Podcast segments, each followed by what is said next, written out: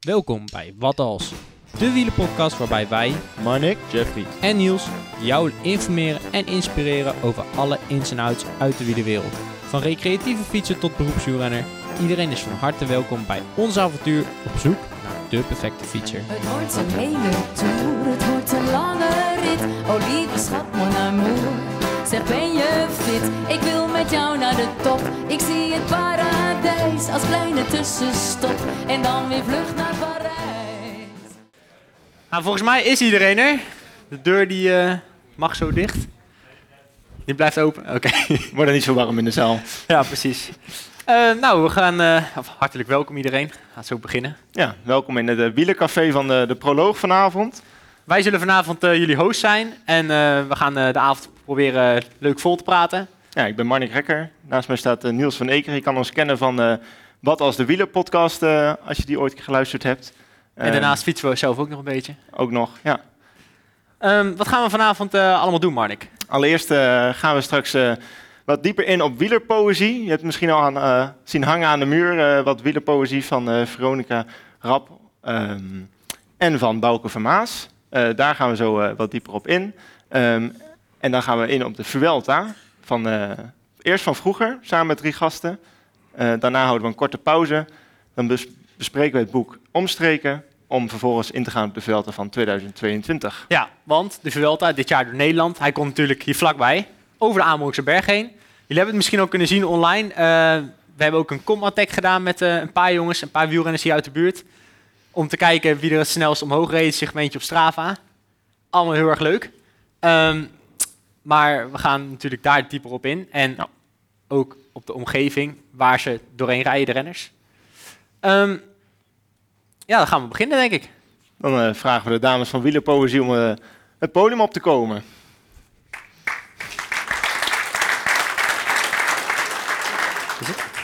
Ik zou zeggen, ga zitten.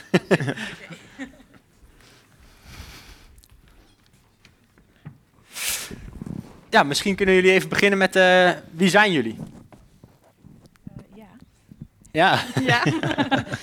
ja, wij zijn dus eh, Veronique, ben ik, niet Veronica. Oh. En, eh, nee.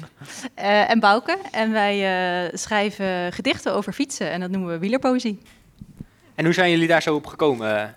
Is het uit het niets ontstaan of maakten jullie altijd al gedichten en toen dachten jullie, hé, hey, wielrennen, dat is ook leuk?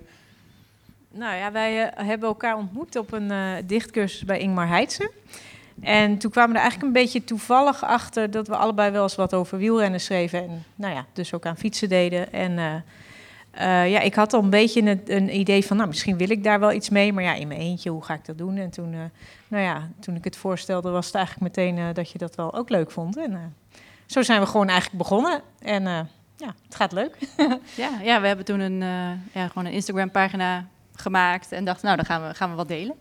En eh, daarna zijn we nog wat eh, verder gaan door een website erbij te maken.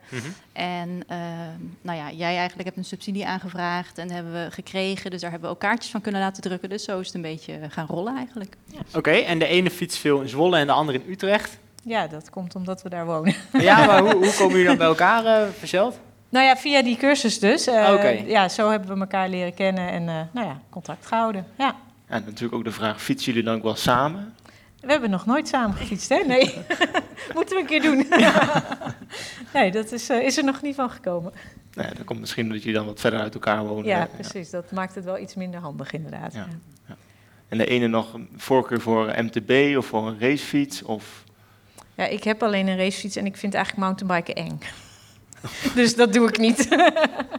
maar ik weet niet hoe het, wat voor jou is. Maar... Nee, wel zeker voorkeur voor de, voor de racefiets. Ik heb wel een mountainbike, maar eh, dat is toch even voor de winter. En dan eh, weer, eh, echt wel weer op de racefiets. En worden jullie dan ook geïnspireerd om een gedicht te schrijven als jullie aan het fietsen zijn? Of wanneer, wanneer komt dan de tekst in je op om... Ja, vaak wel tijdens het fietsen inderdaad. Omdat je ziet zoveel. ehm, je komt op zoveel plekken en dan, ja, volgens mij heb jij dat ook wel, maar dan komen gewoon de woorden of de dingen komen vanzelf in je hoofd op. En soms blijft het hangen en dan blijf je het herhalen of, hè, of het wordt meer en dan, ja, dan komt dat zo. Eigenlijk wel echt vaak tijdens het fietsen, ja. En schrijf je het dan op of stop je dan even? Of wat doe je dan? Want ik kan me voorstellen dat je dan een rondje hebt gefietst, hebt iets in je hoofd en dan kom je terug en dan ben je het vergeten. Ja, ik stop wel eens. Maar ja, je wil natuurlijk ook niet de hele tijd stoppen. Nee. Dus eh, ik stop wel eens om een aantekening te maken in mijn telefoon of zo. Want dan denk ik, ja, ik wil het echt niet vergeten. Dus ga ik het nu opschrijven. En dan hoef ik ook niet inderdaad te blijven herhalen. Dat het inderdaad anders daarna weg is. Maar eh, ja, soms dan, als je echt gewoon een rustig duur rondje fietst, dan hoef je ook verder niet echt ergens aan te denken. En dan, eh, nou ja, dan kan je het ook wel gewoon in je hoofd eh, laten. En hoe zit het met het Steven Kruiswijk coëfficiënt? Zijn jullie daarmee bekend? Nee. nee. Steven Kruiswijk coëfficiënt is eh, hoe vaak je beweegtijd eh, met je eh, fiets, zeg maar de, de beweegtijd, hoe lang je bezig bent met de vrede tijd. Maar die is bij jullie dan erg eh, laag als jullie creatieve ideeën krijgen over, eh, over gedichten schrijven of over waar je over wil gaan schrijven. Nou ja, ik stop dus ook niet zo vaak. Ik heb ook inderdaad wel dat ik het dan ja, in mijn hoofd herhaal. Ik, laatst had ik wel dat ik, ja, had ik, waren het zoveel regels dat ik dacht, oké, dan ga ik even, dat was dan op de Lemelenberg, ga ik boven deze keer even stoppen en dan schrijf ik het wel even op. Maar meestal, eh, eh, ja, eh, op een gegeven moment heb je dan ook wel het vertrouwen dat het bij je blijft. En het is wel handig om als je thuis bent dan het even op te schrijven. Daar moet je niet drie dagen mee wachten, maar ja, dan... eh, dat lukt wel of zo. Dus het valt wel mee, denk ik, met die, met die coëfficiënt. Bij mij tenminste. Ja. Schrijf je het hele gedicht dan thuis ook meteen uit? Of alleen in steekwoorden, zodat je er later nog eens terug op kan komen?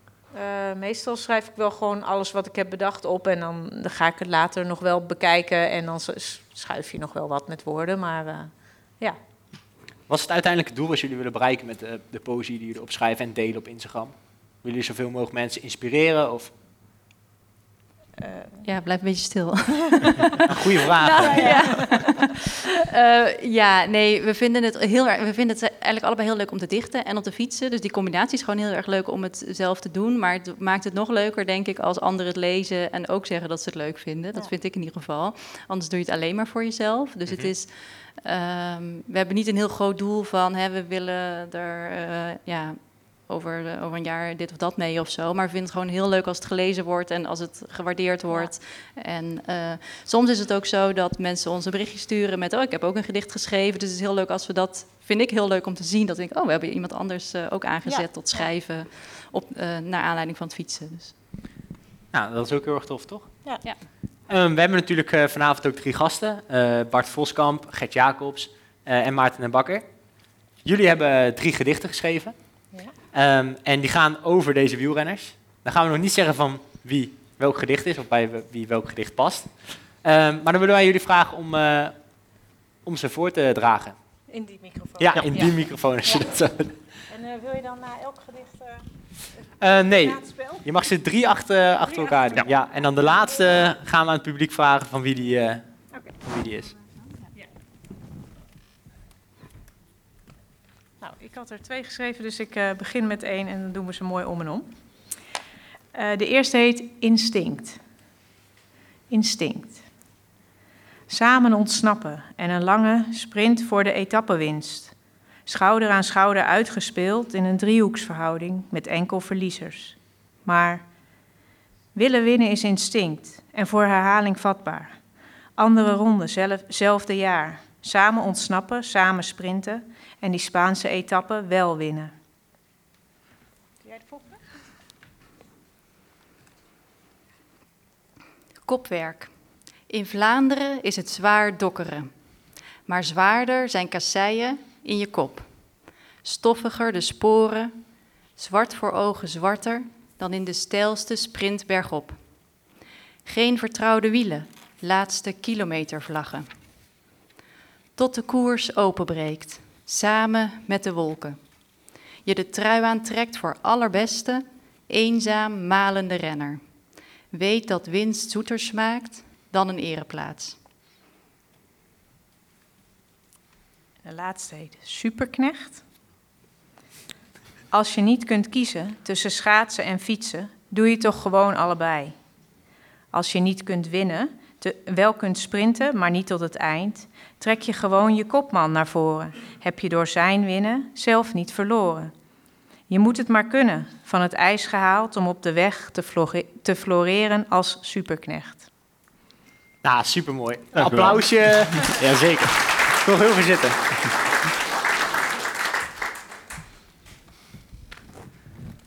Dus jullie hebben dit allebei zelf bedacht? Nou ja, Ja, want jullie hebben niet heel lang al- de tijd gekregen van nee, ons natuurlijk. nee, maar het is natuurlijk niet alsof dit eh, mensen zijn waar niks over te vinden is. Nee, nee, nee, dat is zeker Ja. waar. Maar creativiteit, eh, dat zit er zeker in. Nou, dankjewel. En nou is natuurlijk de vraag, Ja, Of het ook gelukt is. Ja, of het precies. gelukt is, ja. Misschien herkennen ze zichzelf er niet in. Ja, dat zou wel wat zijn. eh. Nee, we willen graag weten van de allerlaatste, het allerlaatste gedicht. Van wie jullie denken dat dit gedicht was. Dus handen omhoog als jullie denken dat het laatste gedicht van Bart Voskamp was. Het blijft, eh, Het blijft stil in de Ik zie geen handen in de zaal. Gert Jacobs, wat denken jullie? Dat lijkt me duidelijk. Ja. Oftewel, jullie hebben het ontzettend goed gedaan. Nou, kijk. Eh, willen jullie ontzettend bedanken voor het podium. En ehm, ja, dan willen we zo de gasten naar voren halen. Dankjewel.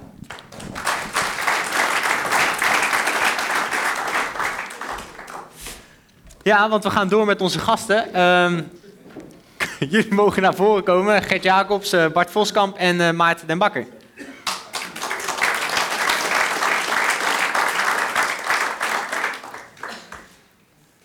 Op het gemak, jongens, op het gemak. nee, nee, nee, nee. Herkennen jullie een beetje eh, jullie zelf? Ja. Knikkende gezichten. Neem lekker plaats.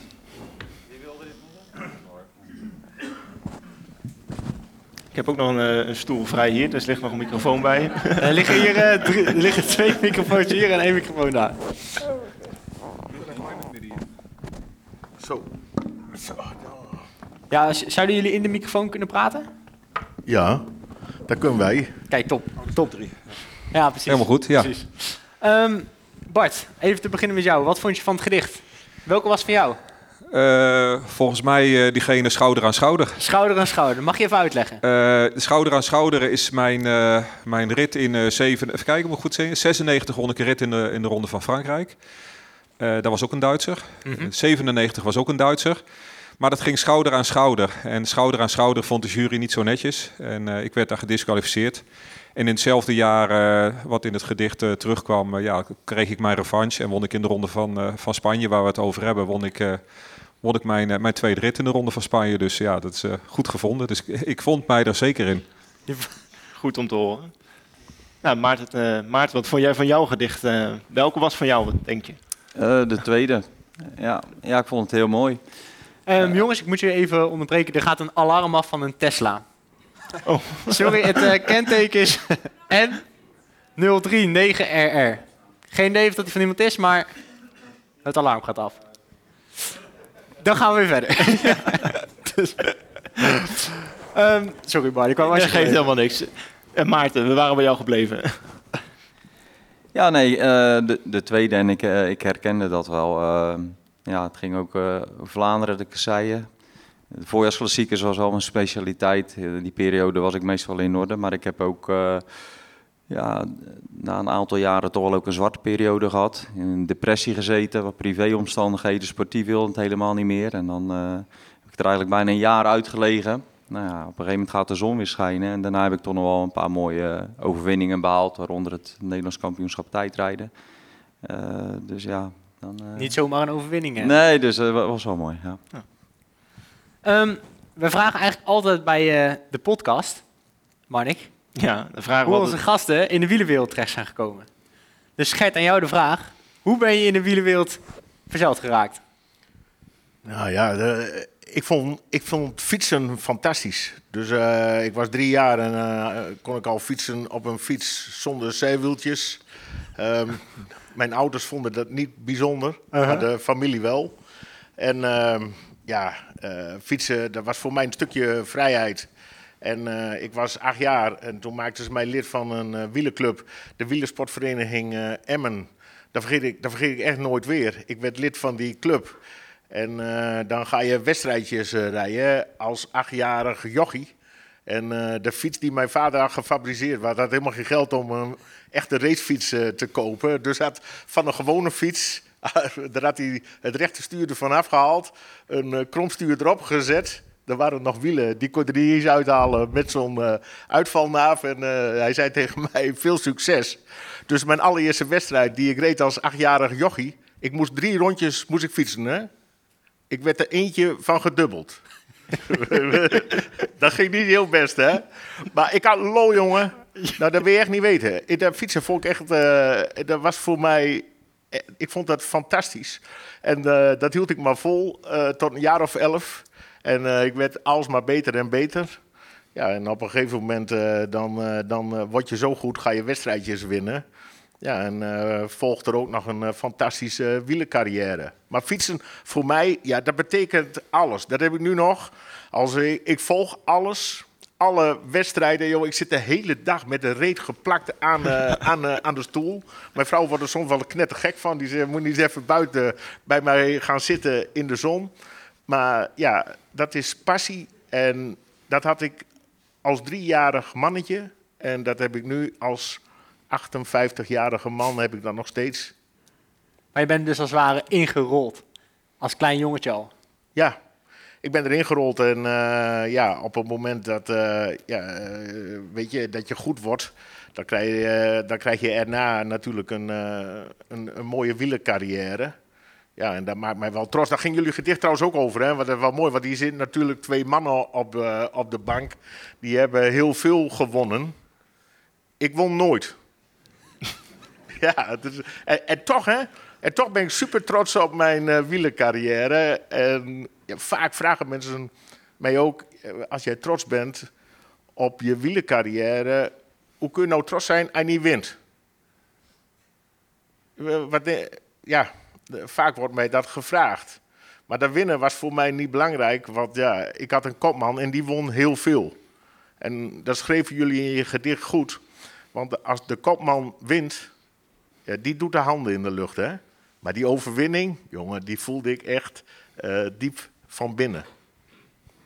En dan wil ik wel even terugkomen op dat fietsen. Want je schreef net dat je één van de drie rondjes werd gelapt. Maar hoe, Ja, wat lag het aan de fiets of lag het aan jou? Nee, dat, dat lag niet aan de fiets, hoor. nee, maar dat weet ik ook wel. Want, eh, jongen, weet je, ik heb nou geen conditie eh, helemaal niet meer. Je kunt mij nou morgen een gouden fiets onder de reet stoppen, maar eh, ik kom echt niet vooruit. Dus een beetje, het, ligt, het zit echt wel in de benen. dus eh, het lag niet aan, eh, aan die fiets. In het begin kon ik echt niet goed, eh, goed wielrennen. Ja, ja, en dan kun je zien, als je doorzet, ja, kan toch nog wel wat, Wat je worden. allemaal kan bereiken. Ja. ja. Ehm, Maarten, hoe ben jij in de wielerwereld eh terechtgekomen? Nou, ik ben opgegroeid op eh, de boerderij van mijn ouders. Dus eh, lagere school pakte ik altijd al de fiets drie kilometer verderop een dorpje. En ja, als je heel jong bent, is drie kilometer al best wel een aardig stukje. En dan tussen de middag kwam ik ook nog vaak naar huis om even een boterham te eten. En dat fietsen, dat vond ik eigenlijk al een mooie uitdaging. Het liefst zo hard mogelijk. En dan was er Mhm. nog een vriendje die mee reed met me op. En totdat een vriendje van me die ook in de polder woonde, die was eh, lid van de plaatselijke wielervereniging. En eh, die zei, ah, kom een keer mee, kom een keer kijken. En ik was zo enthousiast. En toen eh, is er een dikke bandrace, was er ook nog eens bij ons op het dorp. Wat je nu toch ook wel best wel weer veel ziet. En toen deed ik mee met zo'n dikke bandrace op mijn gewone fiets. Ja, dat, dat vond ik prachtig. Dus en toen eh, overlegd met mijn ouders of ja, die, ik zat te dubben om te gaan voetballen, zwemmen, hardlopen, van alles. Want ik was altijd wel actief. En eh, toen zeiden mijn ouders, nou, als je echt wil gaan fietsen, dan ga, krijg je een wielrenfiets. Dus, eh, en toen eh, een paar keer op de club gereden zomaar, gewoon op clubparcours. En eh, ja, sindsdien was ik eigenlijk verkocht. Dus gewoon, ik vond het fietsen van mezelf al leuk, gewoon door de polder heen. En eh, toen fascineerde me zo'n wielrenfiets, eh, die blinkende wielen, die blinkende spaken, eh, ja, het geluid van die bandjes, alles. Ja, dat, dat pakte me. En eh, ja, mijn vriendje had ook ja, Dus dat is dan een begin. En dan kom je bij zo'n wielenvereniging en dan krijg je ook weer vriendjes en vriendinnetjes die ook aan de sport doen. En dan wordt het, de fiets is dan één ding, maar ook alles eromheen gaat dan ook allemaal gelijk meespelen, wat ook wel leuk is. Ja. Ja, en dan vliegt uiteindelijk je carrière.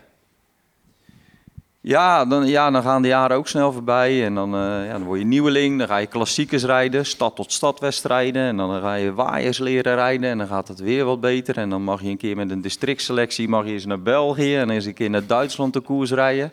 En wat beter rijden. En eh, nou, dan, dan, heb je eigen. En dan rij je en na jou nog een keer de amateurs. Nou, dan ke- keek je helemaal met grote ogen uit hoe mooi dat er allemaal uitzag. En dan denk ik, ja, dat wil ik ook. Ik wil ook bij die amateurs op een gegeven moment eh, in de top 10 gaan rijden. Dus eh, ja, dan word je junior en dan mag je mee met een juniorenselectie. Dan ga je een keer naar Oostenrijk, de Dusika Jugendtour, de Arelberg op. En eh, nou, ik, eh, kom je op de top en dan zie je de sneeuw liggen. En ja, omdat ze, en, ja. dan- en dan, dan, ja, dan wordt het wel afzien. Maar toen had ik wel zoiets van... Ja, dan begin je echt te dromen. ja, ja, ja, ik had ook wat Gert al zei. Ik had er ook vooral heel veel plezier in. Want toch, je, je bouwt er ook wel, ja, ook wel eh, wat, vriendschappen op. En ploegleiders en masseurs en mechaniciens. En ja, het was ook wel. eh, en mens- mensen die dan weer bij mijn ouders thuis over de vloer. eh, ja, die leerden ook weer veel mensen kennen. Dus. maar ja, inderdaad, de- bij mij ging de knop wel echt om toen ik ook wel de grens overging. En dacht van, nou, ik kan ook, ook wel een stukje over kasseien rijden. En ik kan ook nog wel een aardig bergje op. Dan, ja, dan wil je op een gegeven moment wel... Dat ik dacht van, ja, ik wil eigenlijk heel graag beroepsrenner worden. Ik ben daar no- nooit eh, wekelijks mee bezig geweest. Maar op een gegeven moment wordt dat wel meer en meer. En dan, eh, maar eh, het plezier... Want ik fiets nog steeds heel veel plezier. Het, het plezier is wel de basis, denk ik. Ja. En van daaruit kan je, kan je ja, je doelen gaan stellen, zeg maar. Maar zeker op jongere leeftijd moet dat ook een beetje... Je moet er energie in stoppen, dan krijg je die er ook voor terug. Maar het moet ook allemaal een beetje meezitten natuurlijk. Hè. Heel veel factoren, maar... eh, Ja, en zoals je ja. zegt in het begin, je bent begonnen met die dikke bandenrace. En dat, dat draait ook alleen puur om plezier natuurlijk. Ja, want als je daar geen zin in hebt, dan ga je daar al niet aan deelnemen. Precies. Dan ga je of het zwembad in of, op, eh, de- of iets anders, of je, je gaat gitaar spelen. Ja, nou ja, dus dat is wel de basis en dat is denk ik eh, met veel dingen zo. Eh, als, als je dat, als die dikke bandrace eh, mij eh, plezier heeft bezorgd, ja, als je dat, dat, dat is dan eigenlijk de basis voor eh, de start van je carrière, denk ik. eh, Precies. ja. En dan hebben we Bart Voskamp. Ja, ik denk heel veel, eh, heel veel ge- dingen wel gelijk hebben met elkaar. Dat is de, de, de passie voor de sport. En eh, ik heb vroeger eerst gevoetbald. Ik denk, nou, de meeste jongetjes en tegenwoordig ook meisjes natuurlijk, die beginnen met, met voetbal. En dat deed ik bij Wageningen. En eh, ik kon redelijk goed voetballen. We werden ook al kampioen. En ik zat dan op een gegeven moment in, eh, wat was het, C1. En, nou, dus het ging best wel redelijk. Maar ik was, eh, ik was een beetje een stille jongen. En ja, ik durfde niet goed mee te doen. En, maar als we naar huis gingen fietsen van de Wageningse berg terug de stad in, ja, dan was ik wel altijd de snelste. Dus ik voelde me wel, toen voelde ik me gezien. En dat gezien worden is volgens mij een beetje de, het, het hele ding. En ik, ja, dat, dat hebben de heren misschien naast me. Ik vond het vroeger wel heel fijn om gezien te worden. Want ja, op een gegeven moment ben je ergens wel de best in. Ik was niet de best in de klas.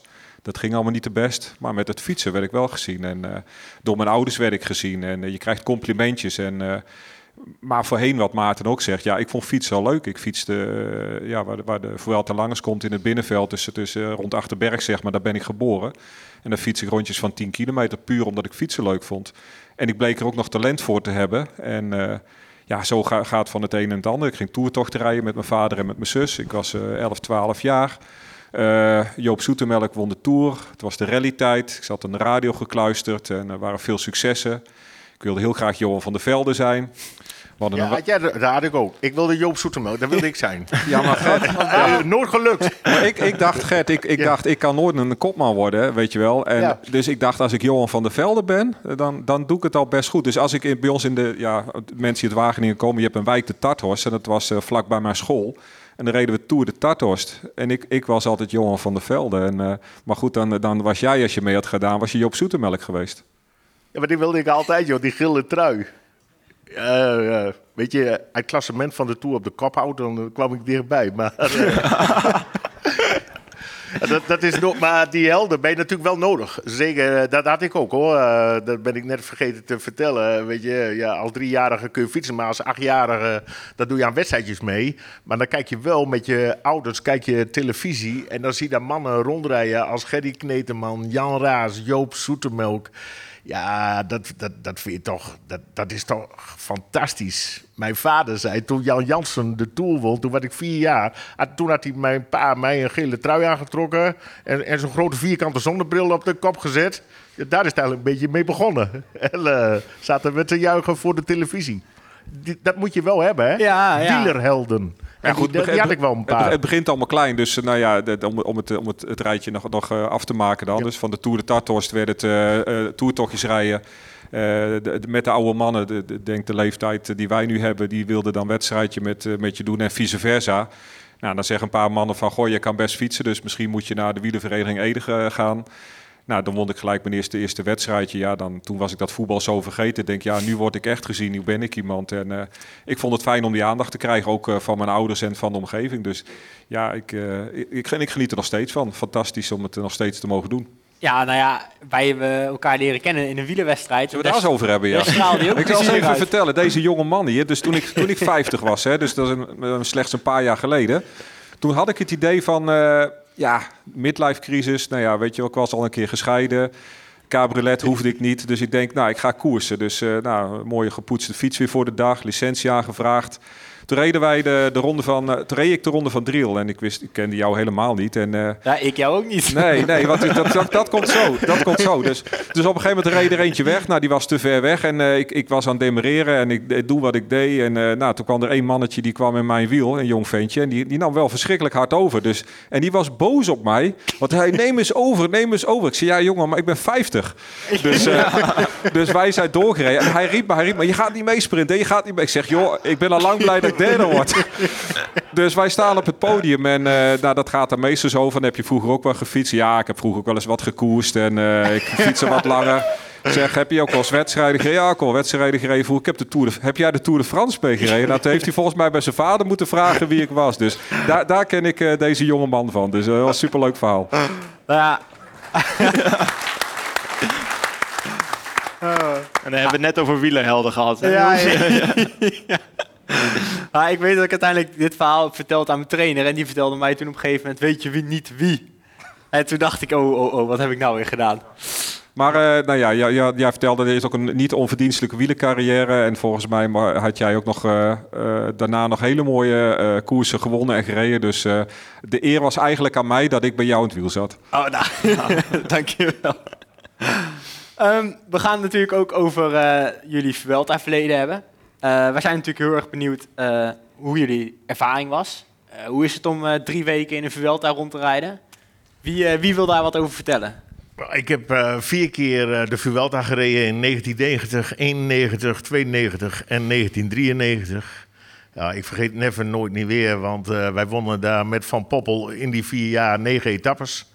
Dus dan is het sowieso al eh, bijzonder om daar, eh, om daar rond te fietsen. En de Vuelta, dat is ook een, eh, ja, dat is natuurlijk net zo een driewekelijkse wedstrijd, net zoals de Tour de France. Maar in de Tour, daar is de druk zo hoog, hè. Weet je, daar... daar Ja, qua media-aandacht, dat is... ja, dat, dat, is, dat is echt enorm. In de ronde van Spanje is het eigenlijk tussen aanhalingstekens ontspannender. Kun je daar, ja, kun je, kun je daar de eh, etappes, kun je daar de etappes rijden. Maar de, de parcours is wel net, net zo zwaar, zeker als de Tour, hoor, want je hebt daar etappes bij. Eentje vergeet ik nooit weer. Die, eh, volgens mij zit hij dit jaar er niet in. Dat is een berg, Bart. Eh, Lagos, de Cavadonga.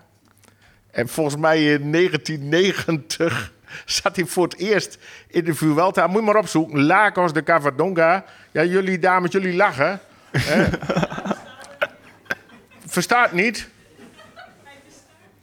Ja, hij bestaat echt. We hebben hem Ja, zelf gezien. Jij denkt natuurlijk, die Jacobs is aan het woord. Die vertelt, bedenk weer een berg met een hoop eh, slagroom erop. Ja, maar ik kan ook nog wel serieus praten, hè? Nee, maar echt, kijk maar naar Lagos de Cavadonga. En ze hadden tegen ons gezegd, de Lagos de Cavadonga, jongen, dat was een berg. 22 kilometer, ontzettend steil. En het steilste stuk zat in het, in het begin. Dus wij zeggen tegen die mechaniekers, "Wel, hoe steil is dat dan? Oh jongen, dat eerste stuk is meer dan 20% Maar dan moeten jullie weten, jullie fietsen allemaal, hè? Weet je, als jullie nou naar Limburg gaan of je fietst ergens bergop, wat voor versnelling heb je er dan op? Ja, de 34 hij, hij was binnenbladje. En uh, achter, achter hij 36. Oh. Kun je lekker fietsen, hè? Maar Gert Jacobs, ik moest de Lagos de Cavadonga naar boven met de 42, 23. ja. Hey, en een stalen fiets. Jongen, echt waar, ik vergeet echt nooit weer, jongen. Wa- Wat een drama verhaal bij die Lagos de Cavadonga. Ik kom er onderaan. Nou, jongen, dat ding dat was zo stijl. Ik denk, ik moet gaan lopen. Maar ik denk, de- dat als wielrenner is niet handig. Dus ja, eh, er stond wel veel publiek. Dus ik liet mij een beetje vallen naar links. Hop, werd ik geduwd. Een beetje vallen naar rechts. werd, ik, werd ik geduwd. Ja, bij, ik kwam wel boven, maar ik vergeet die bergbad, jongen. eh, Dat vergeet ik never nooit niet meer. Ben jij er wel eens op gefietst? Deze berg? Ja, hij bestaat. Hij bestaat echt. Hij bestaat ja, ik weet echt. zeker. Google maar op jullie telefoon, hoor. Hoe heet die dan? Covadonga. Kova. En wat zeg ik dan? Oh, de Cava. Ja, joh, maar ik ben in Spaans ben ik niet zo goed. Maar in Spaans zeggen ze Cavadonga. Ja, in Spaans zeggen ze Cavadonga. Jij, jij drinkt veel kava. Ja, Cava drink ook veel, ja. dat, dat klopt. Nee, maar goed, die, die, kijk, wat dat soort etappes, ja, dat vergeet je gewoon eh, never nooit niet meer. En de finish is altijd in Madrid. Nou jongen, daar wonnen wij bijna altijd standaard met Van Poppel. Ah, dat is een mooie afsluiting dan. En dan kun je een flesje cava drinken. en dan in het vliegtuig, nou, ja, dan moet je snel naar huis, hè. Nou, je bent natuurlijk lang, eh, lang van huis. Hoe is dat mentaal? Joh, ik had helemaal geen moeite mee. Nee, ik zeg wel eens tegen de vrouwen, joh, ik wou dat ik nog wielrenner was. Weet je, echt waar, koffertje inpakken, lekker twee weken weg. Huppakee, joh, kun je een beetje eh, druk maken met die kinderen allemaal eh, thuis? Joh, nu heb ik daar problemen mee thuis, hè. Dan ben de hele dagen ben ik thuis.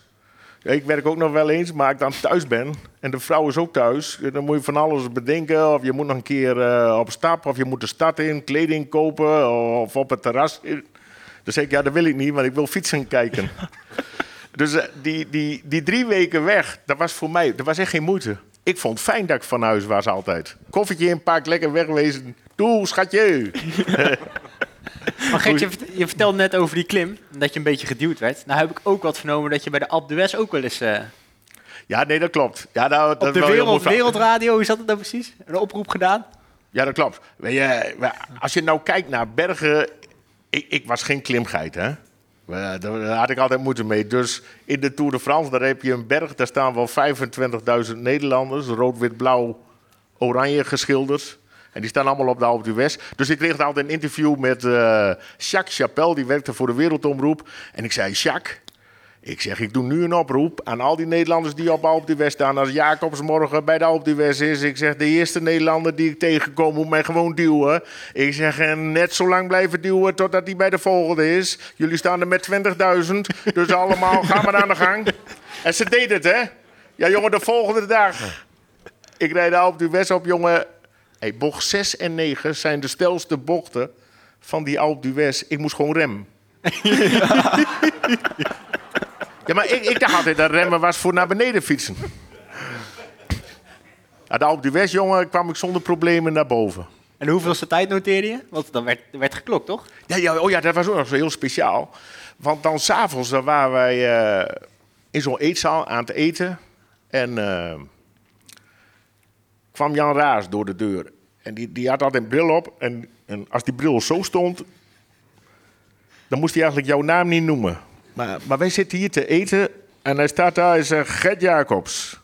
Ik zeg, Jan, wat is er aan de hand? Hij zegt, jongen, vandaag was een speciale etappe naar de Alpe d'Huez.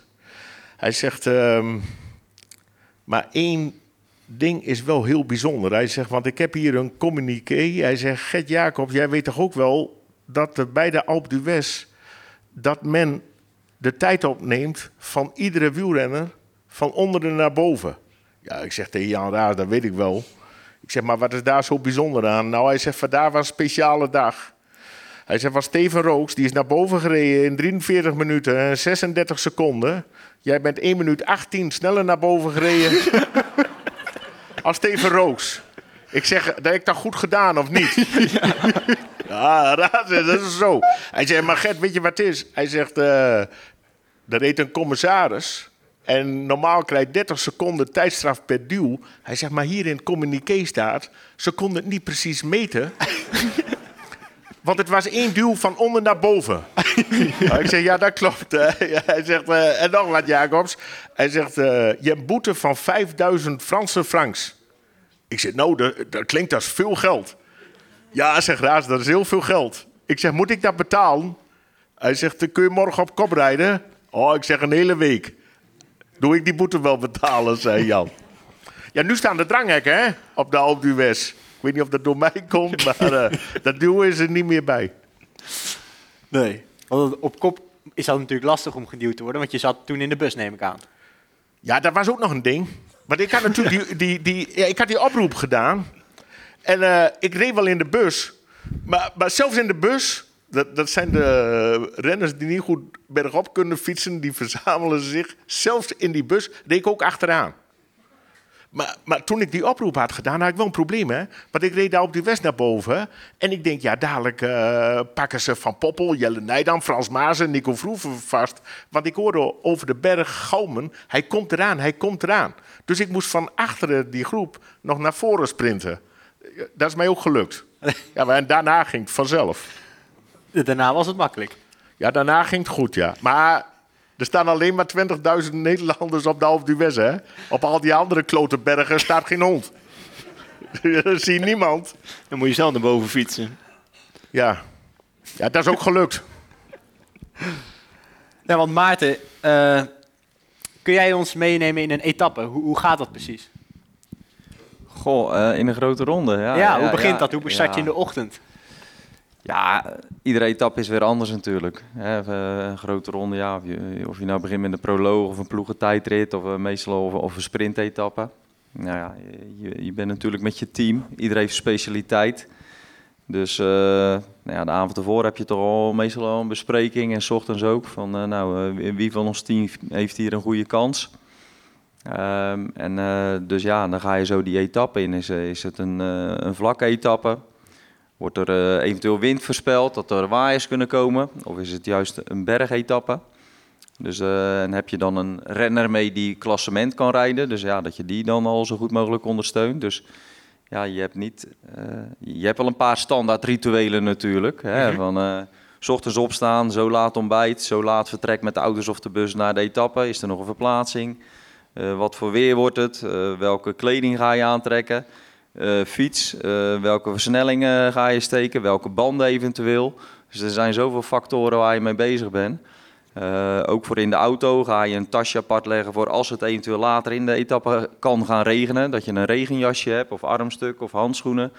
Of juist niet. Dus ja, je bent wel steeds... Met allemaal dingen ben je ook wel bezig natuurlijk. Dus, Had je dan nog eigen rituelen, dingen die jij deed, specifiek voor, voor een etappekoers? Eh, vast wel, ja. Dat is wel een goede vraag. Ja, vast wel. Ik denk dat, dat ik die wel had. Ehm, maar ik kan misschien nu niet zo gelijk e- één ding zeggen, maar... Eh, eh, witte sokkies. nou, maar nee, maar met, met mijn kleding was ik wel, wel, bezig. Ja, ja, ja oké, witte sokken, ja. Ja, nou ja, Ja, joh, dan moest ik altijd, ja. altijd klaarleggen. Witte sokken klaarleggen. Handschoentjes nieuw. Iedere dag. Bij iedere etappe. Nieuwe handschoenen. Kreeg jij iedere dag nieuwe handschoenen, Gert? Ik kreeg Ja. die niet iedere dag. dat heel ja, je had heel veel streepjes Ik voor, had hè? streepje voor. Ik kreeg 21 paar handschoentjes. 21 paar sokken voor al die etappes. Alle dagen gingen die nieuw aan. Dan moest ik, en weet je wat ik ook had als ritueel? De nummers moest je vroeger opspelden. En die spelden bij mij, die moeten er altijd in één rijrichting in. Ja, ik ben zo autistisch, ja, dat is de tering hoor. Weet je, maar dus de, de spelden erin met de, met de kop naar boven. Zo hier eentje erin en dan, dan rechtsom, hè? Snappen jullie dit? Met die, met die spelden, hier eentje erin, nog eentje, drie. En dan hupsakee rechtsaf, weer drie. Hupsakee naar beneden, weer drie. En hupsakee weer rechtsaf. Zo ging het. En eh, je moest twee nummers al op de, op de rug hebben, hè? Als ik dat niet voor... Ik liet ook nooit mijn nummer opspelden door iemand anders. Werd knettergek. Als die speld er verkeerd om in zat, kon ik, kon ik gewoon niet fietsen. Maar wa- was je gewoon zo autistisch of was je al bezig met aerodynamica? Nou, nee, niet met aerodynamica. ik reed trouwens wel heel aerodynamisch. Dat, dat wel. Dat- maar nee, ik was niet bezig met aerodynamica, maar die spelde gewoon. Nou ja, dat was, als je hebt over rituelen, dat, had ik s'avonds klaarleggen. Koerstrui klaar, zweethemdje ernaast. Ja, maar nu je dat zo zegt, natuurlijk. Nou, er dat- zijn wel van die ja. dingen natuurlijk, want ik kon me er ook aan storen. En vaak waren die rugnummers behoorlijk groot. Dus Ja. dan probeerde je die, en nu is dat allemaal wat beter. En eh, dan probeer je een stukje af te knippen. Ja, soms kwam er zo'n commissaris die zei, ja, die rugnummers zijn eh, nu te ver afgeknipt. Kreeg je soms ook weer een boete. Dus eh, ja, dat zijn wel, eh, zijn wel wat dingetjes. Of eh, ook een bepaalde, ja, ik heb ook wel eens gehad dat ik een bepaalde koers echt wel goede benen had in een bepaald zweethemdje. Ik denk, ja, moet ik toch vandaag dat zweethemdje maar aandoen? Dan heb ik vast wel, dus dan ga je dan... Ik ben echt niet zo bijgelovig, maar dan toch zijn dat wel van die dingen als je voor je koffer staat van welk, welk kleding doe ik aan. Nou, dat hemdje heb ik vaker goed meegereden, doe je dat weer aan of zo. En eh, ja, het materiaal moest ook wel in orde zijn hoor. Daar was ik altijd wel mee bezig. Nog even overleggen met de mechanicien of iets. Of eh, is die ketting al niet al vervanging toe? eh. En band- bandjes van de ander voelen? Of? Oh ja, ook nog eens. Ja, bij de concurrentie een beetje voelen hoe het... eh, ja, ja. Maar ik heb ook gehoord dat, eh, dat je koud water over eh, je borst heen gooide af en toe. Ja, daar van Jan Gisbers. De, de ploegleider van PDM. Die zegt tegen mij, eh Jacobs, hij zegt, eh, ik moet jou het hele jaar eh, moet je inzetbaar zijn. Moet je ook niet, je en dan is wel de kunst eh, dat je niet ziek wordt. En, zeker niet ziek wordt op belangrijke momenten. Dus hij zegt, eh, weet je wat je in de winter, moet doen? Dan moet je je koud wassen. Ja, ik zeg, moet ik dan onder de douche met een koude kraan of zo? Nee, hij zegt, eh, als het echt koud is, moet je een, eh, een bad, zo'n grote bak water buiten neerzetten. Dat deed ik ook met vorst. Hij zegt, eh, en die bak water laat de hele nacht buiten staan. En als je morgens wakker bent, dan eh, ga je naar beneden. Dan pak je die bak water en eh, die flikker je zo over je heen. Dus een bak ijswater, hè. Hij zegt, dan begin je helemaal te dampen. Dan blijf je een minuut of tien eh, blijf je zo staan. Zei gisteren tegen mij. Hij zei, eh, doe een paar rek- en stretchoefeningen. Hij zei, word zo sterk als een beer, jongen. Krijg weerstand. Dat is helemaal goud waard. Ik ben nooit meer vergeten. Dat werkt echt. Dat werkt goed, jongen. Maar nu doe ik dat niet meer, hè. Nee, echt waar. Maar nu doe ik dat niet meer. En weet je wat ik nu heb? Als het echt koud is en ik ga fietsen... Weet je hoe ik er dan uitzie? Als een ijsbeer. Nee, echt waar. Ik kan helemaal niet meer tegen de kou, jongen. Echt waar. Een dikke handschoen, grote muts op. En eh, grote, een jas aan die, die, die goed weersbestendig is. Kun je bijna niet ademhalen. Maar ja, dat, dat ben ik wel nodig. Maar vroeger had ik daar helemaal geen last van. Er, er waren, tenminste, ik weet niet of jullie eh, Raymond Meijs nog eh, kennen. Ja? Dat was een, eh, een Limburgse renner. Ja, geen hele, hele goede, was een hele goede junior. Wereldkampioen junior. Wereldkampioen junioren. Maar die had, ja, Maarten zal het misschien nog weten, want Raymond was ook van 68 net als ik. Maarten is van 69. Dat eh Raymond, die ging voor de etappe, deed hij zijn grote behoefte niet op de wc. En toen was hij bang dat hij de macht verloor. Ja, dat is e- echt waar. En eh, nou, we- echt waar? dat is echt waar. Dan schier ik de macht eruit. Dus dat zei hij echt. Wat- u- maar weet je, maar jullie weten toch ook wel, jongens, zo'n etappe is 220 kilometer. Nou, hij dan 's morgens denkt van, eh, de macht gaat eruit. Maar je moet toch schijten, of niet? Wat is dat? Hè? Of, of praat ik nou weer heel raar? Dat is zo? Als je echt die grote behoefte moet doen en je denkt van, dan gaat de macht eruit. Weet, je, weet je wat? Weet je, Ik denk, de macht kan er, wel, de- kan er wel in blijven zitten, maar er moet ook iets uit. Maar weet je wat, Gert en, en Maarten, heel veel renners die, eh, die wilden zich na een etappe ook niet, eh, niet douchen. Want die deden het alleen met een washandje, want dan racen s'avonds nog een tijdrit. En die mocht- mochten, of dachten ze, die gingen dan ook niet douchen tussendoor. Die jij dat nog wel eens eh, renners kent. Tussendoor niet douchen, alleen met de washand. Om ja, bang zijn dat het water ja, een soort van slechte ja, invloed had. Ja, ja. Nee, dat- verhaal ging toen wel en hoorde je ook wel van buitenlandse rennen. Maar daar heb ik ook nog wel meegekregen. Ja. Van, eh, pas op met douchen als je twee etappes op een dag had. Want dan, eh, dan kan het ook eh, dat je spieren slap zouden worden of zo. eh, Dus dat ja, er dingen. waren- ja, dat, ja, en, ja, Ja, waren, er waren dingen. gekke dingen. En, En, wat, we- nu springen ze in een koelbad. En, eh, weet ik Wat, wat ook Ja, niet, wat wij, tenminste jij hebt met Piet Kuijs gereden in, in de zaal, hadden we het net ook nog even over Piet Kuijs. Piet Kuijs was de bondscoach in eind jaren 80, begin 90 van ons van amateurs. En dan had je een hele warme rit gereden met het weer van vandaag. En eh, ja, wat, wat, als ik nu warm heb, neem ik een koud drankje. Maar wij kregen warme thee over de streep. Want koud drinken kon dus eh, heel slecht zijn. En eh, ja, dat is later wel achterhaald, maar dat, dat was altijd vreselijk. En dan zochten we toch een, Coca-Cola meisje of iets die eh, van die blikjes uitdeelde. Dus, maar ja, er waren gekke gewoontes vroeger, dat was zeker. En wat waren jouw, eh, als jij nog gekke gewoontes op zich? Nee, ik, ik, ik zit net als Maarten. Ik zit ook te denken. Achter, achteraf denk je wel van ja, dat deed ik dan wel. Had ik, had bijvoorbeeld een bepaald snel pak. Ik was van tijdrijden. Had ik daar een keer goed mee gereden. Dan wilde ik per se dat pak aan. Of dat zweethemdje of die sokken. Of ik was altijd aan het klooien met eh, steunzolen. De ene keer reed ik, ik reed altijd met liefst met uh, schoenen. En dan, eh, dan reed ik zonder zoltjes, reed ik goed, dan won ik een wedstrijd. En dan even later had ik het gevoel niet en dan liet ik mij een steunzolen aanpraten en dan reed ik daarmee en dan reed ik daar een keer goed mee. Dus ik was altijd aan het zoeken van, ja, ligt het aan die steunzolen of zit het er tussendoor? Dus je bent altijd wel naar houvast aan het zoeken eh, als, als renner. Van, nou ja, als, ik- als ik dat doe, dan, eh, dan gaat het net wat beter. Zadeltje wat hoger, het zadeltje wat lager, dus... eh, ja, het meeste zit gewoon tussendoor, denk ik. Ja. Nou, wat Maarten ook zegt, zo'n zweethemdje dat toch misschien geluk brengt. Je weet het natuurlijk niet. Ja, en soms zie je ook dingen van elkaar. Hè? Dus eh, misschien dat je er zelf niet zo mee bezig bent. Maar als ik dan bijvoorbeeld Gert bezig zie of Bart, eh, dat je wel ziet, oh, hij doet dat weer of dat weer, weet je wel. En eh, dat, dat je dat als rennen niet... De, en da- daar staken we ook als de draak mee met elkaar. Zelfs Tristan Hofman, die had zo'n lange kracht onderbroek. En die, die kni- knipte er een heel gat in en zo. Had hij weer een boxershort overaan. Want dan vond hij het wel makkelijk als hij s'nachts eruit moest om te plassen of zo. En ja, dan, Ja, die, liep hij af en toe die had zo'n, ja, die had inderdaad, Ja, die was mijn dat soort dingen, kamergenootje, die je had een, een lange, lange krachtbroek aan. Ik wist dat nog kende voor de winter met schaatsen, Gert maar een dat- lange. Ja. Maar die had hij, eh, daar had hij, ja, je kunt het ongeveer voorstellen, had hij dat hele kruis zo uitgeknipt. Want die wilde, s'nachts wilde hij de lucht bij zijn Shaki hebben.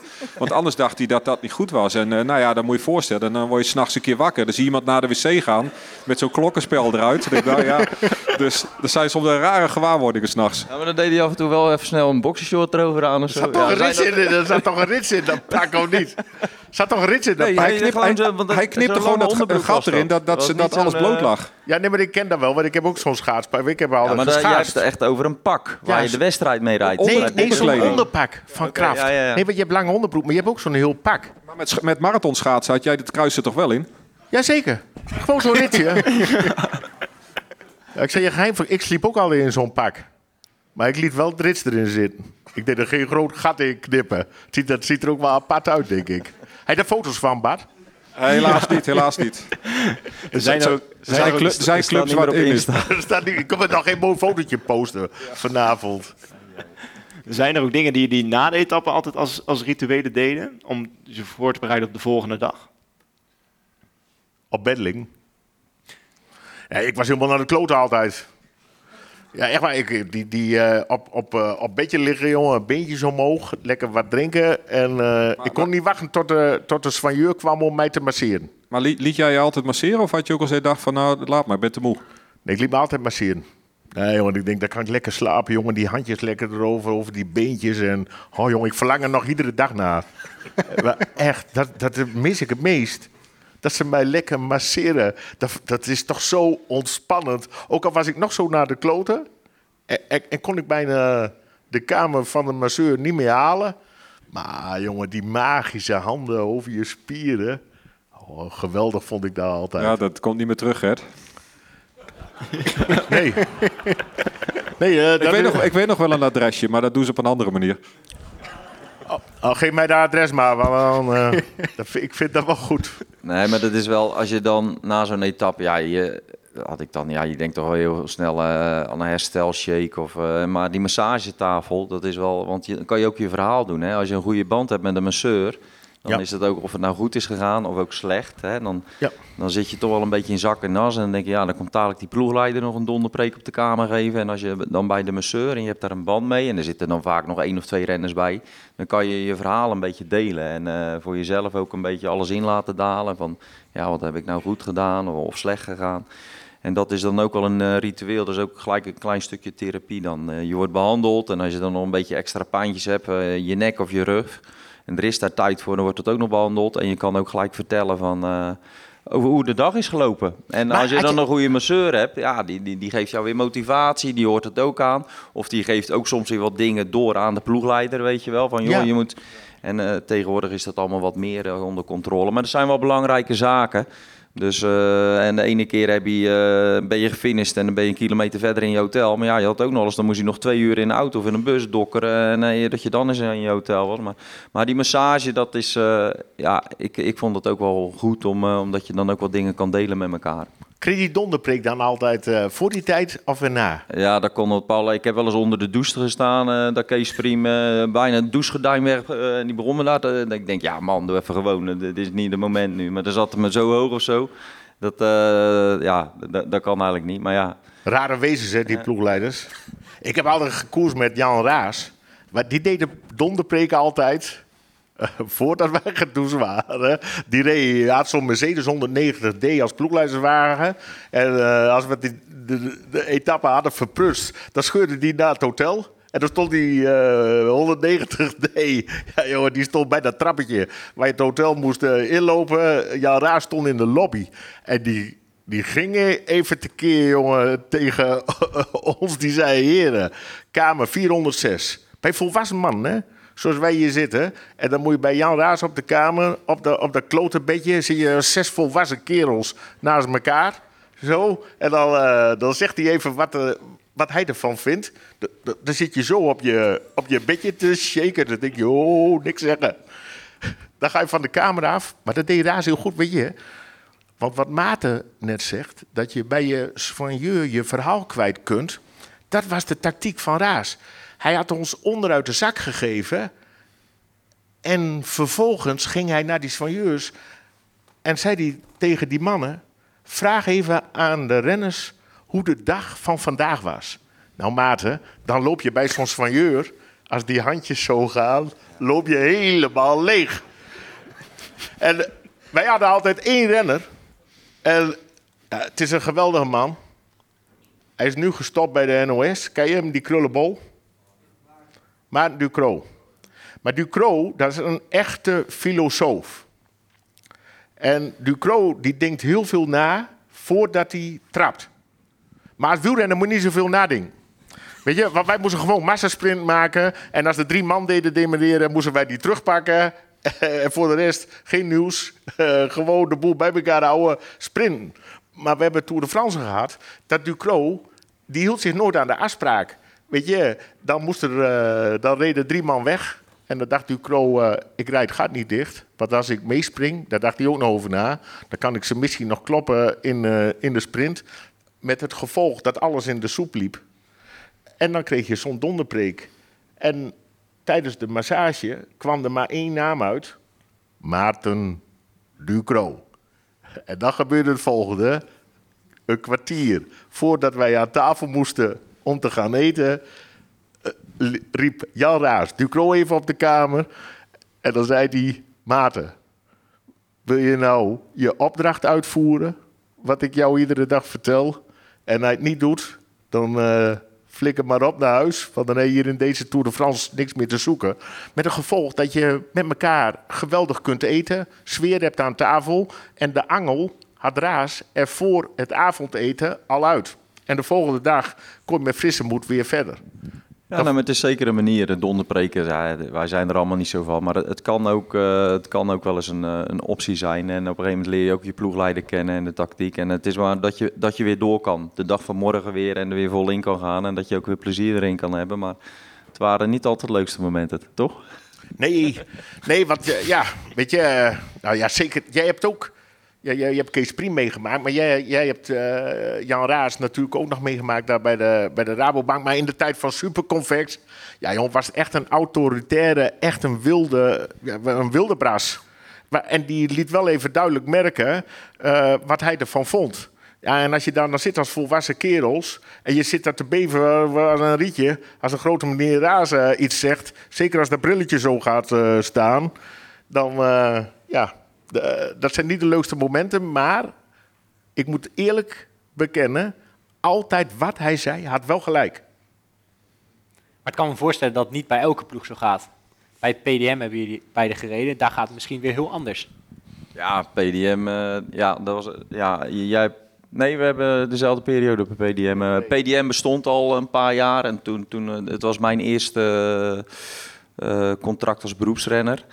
En eh, ja, nee, dat, dat, dat, dat was misschien iets meer vergelijkbaar met eh, van deze tijd. Eh, innovatief, met materiaal, training, voeding en, al, en ook de sfeer. Ja, maar met Jan Gisbers en Piet van der Kruis, later een Ferdy van der Houten. Ja. Ja, ehm, ja, ze gingen er, ja, nee, ze selecteerden de renners ook wel op inzet en motivatie. waren allemaal wel mannen die echt wel konden fietsen. En ja, zij ook, we hebben echt wel een paar dure kopmannen. Die moeten gewoon eh, echt eh, de ritten gaan winnen. En eh, we hebben een deel renners die moeten die mannen zo goed mogelijk bijstaan. En we, we gaan er een goede structuur in brengen. En ja, nee, dat was anders. Dat was meer...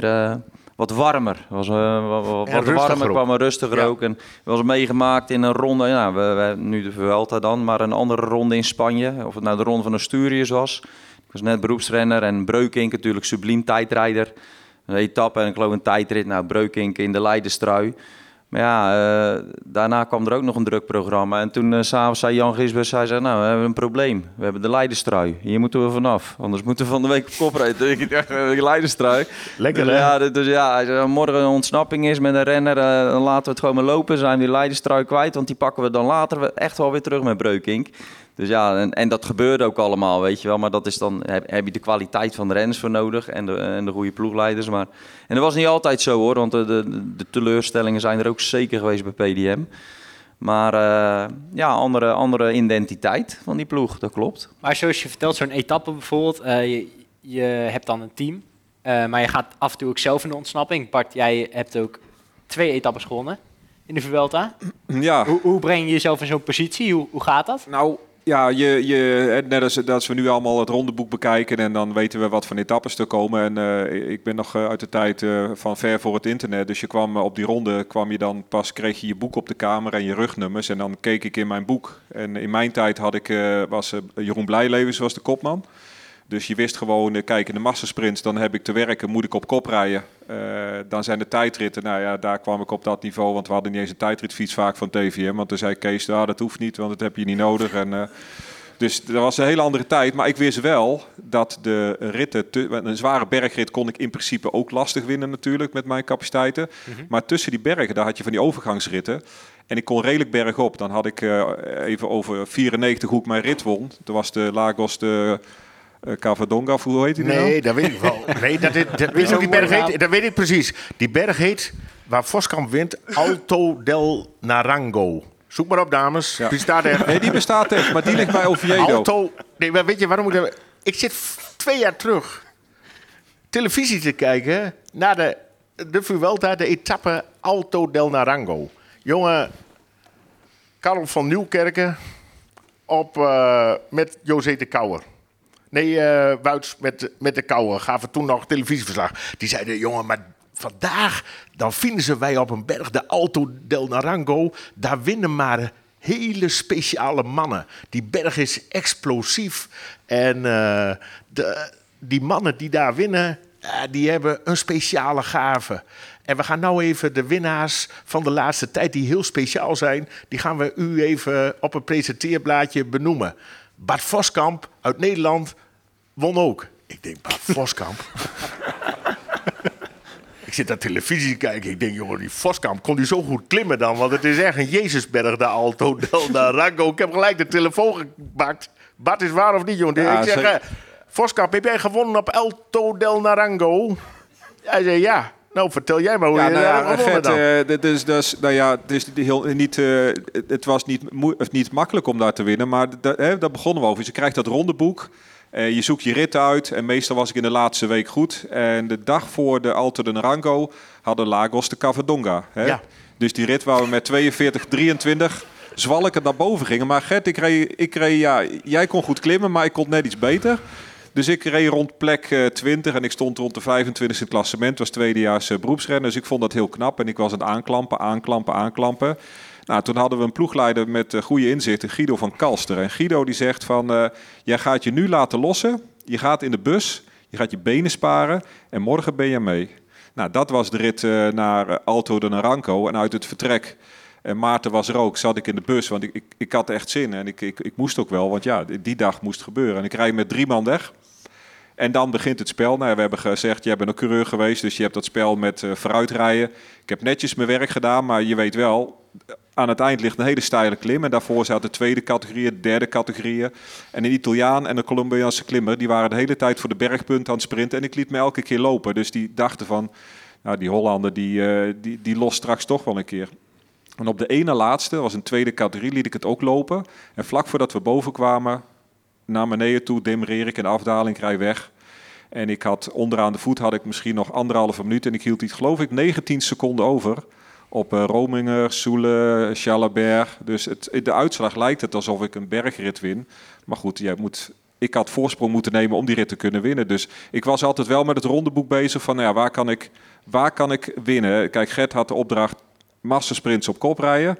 Ik had massasprints op kop rijden, maar ik, ik was dan wel degene, misschien een Ducro, die dacht van ja, maar er zijn ook dagen, daar wil ik toch wel zelf winnen. En dat, eh, nou, dat Maar lukte in hij- 94. Hij was wel goed hoor. Maar hij zegt dat nou even. Ik had 1 minuut 20 voor. 1 minuut 20. Nou kan je wel vertellen, ook al had ik een half uur voorsprong gehad. ik had die etappe nog niet gewonnen hoor. Gewoon niet.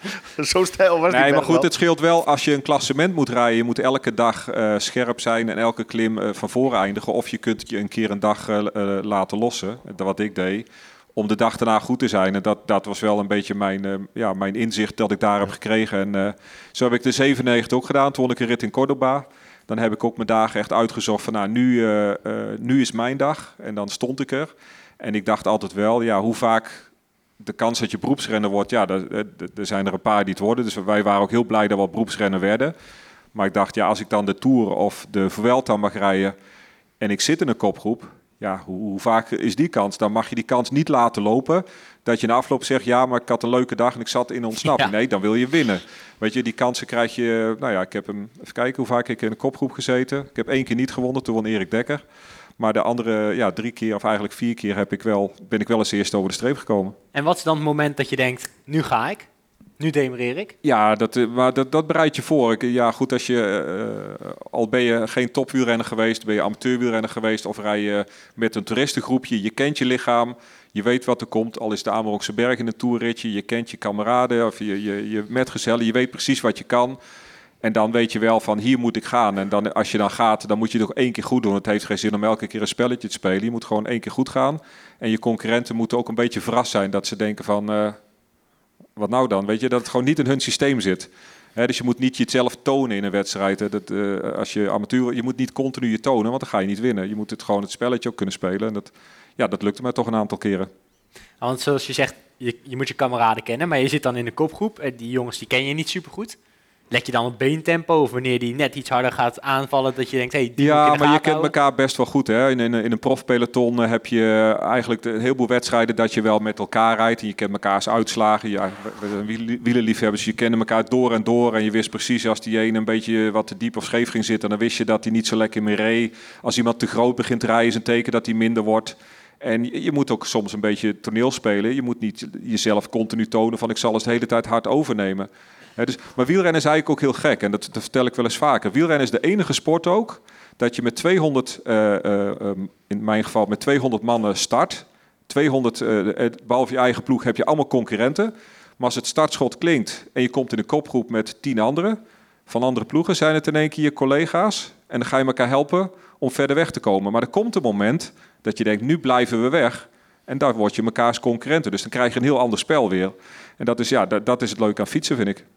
En dat spelletje is leuk om te spelen. En dat spelletje is leuk om te spelen. Alleen hardrijden is leuk, maar het is leuk om het spelletje zo te spelen dat je iemand anders verrast. Precies. En dan heb ik nog één vraag. Je hebt natuurlijk twee ritten gewonnen in de Vuelta. Maar Ja. welke is dan de mooiste? Eh, welke is de mooiste? Ja, het is lastig, want de eerste, de eerste is altijd het mooiste, denk ik. En dat was de, de, de klim waar wat, wat Gert ook beschreef, is denk ik de mooiste klim, omdat het een bergrit was. Ik was pas het tweede jaar eh, beroepsrenner. Maar die van 97 werd, in het gedicht ook natuurlijk aangehaald. In 97 won ik een, eh, ook een toerrit. Tenminste, ik kwam als eerste over de streep. Ik werd gedisqualificeerd wegens het schouder-aan-schouder verhaal. En toen reed je in september de Ronde van Spanje erachteraan. En daar won ik toch nog een etappe in de grote ronde. Dus het maakte mijn jaar wel goed. Maar ik denk toch die van 94 eh, de mooiste was. Oké. Ehm, dan eh, gaan we door, want eh, we hebben even pauze. Ja, even de, de keel smeren. Er is al die al verhalen. genoeg gepraat. Ehm, even vijf minuten pauze. Iedereen mag even een drankje halen. En eh, dan gaan we zo weer verder. Mooi.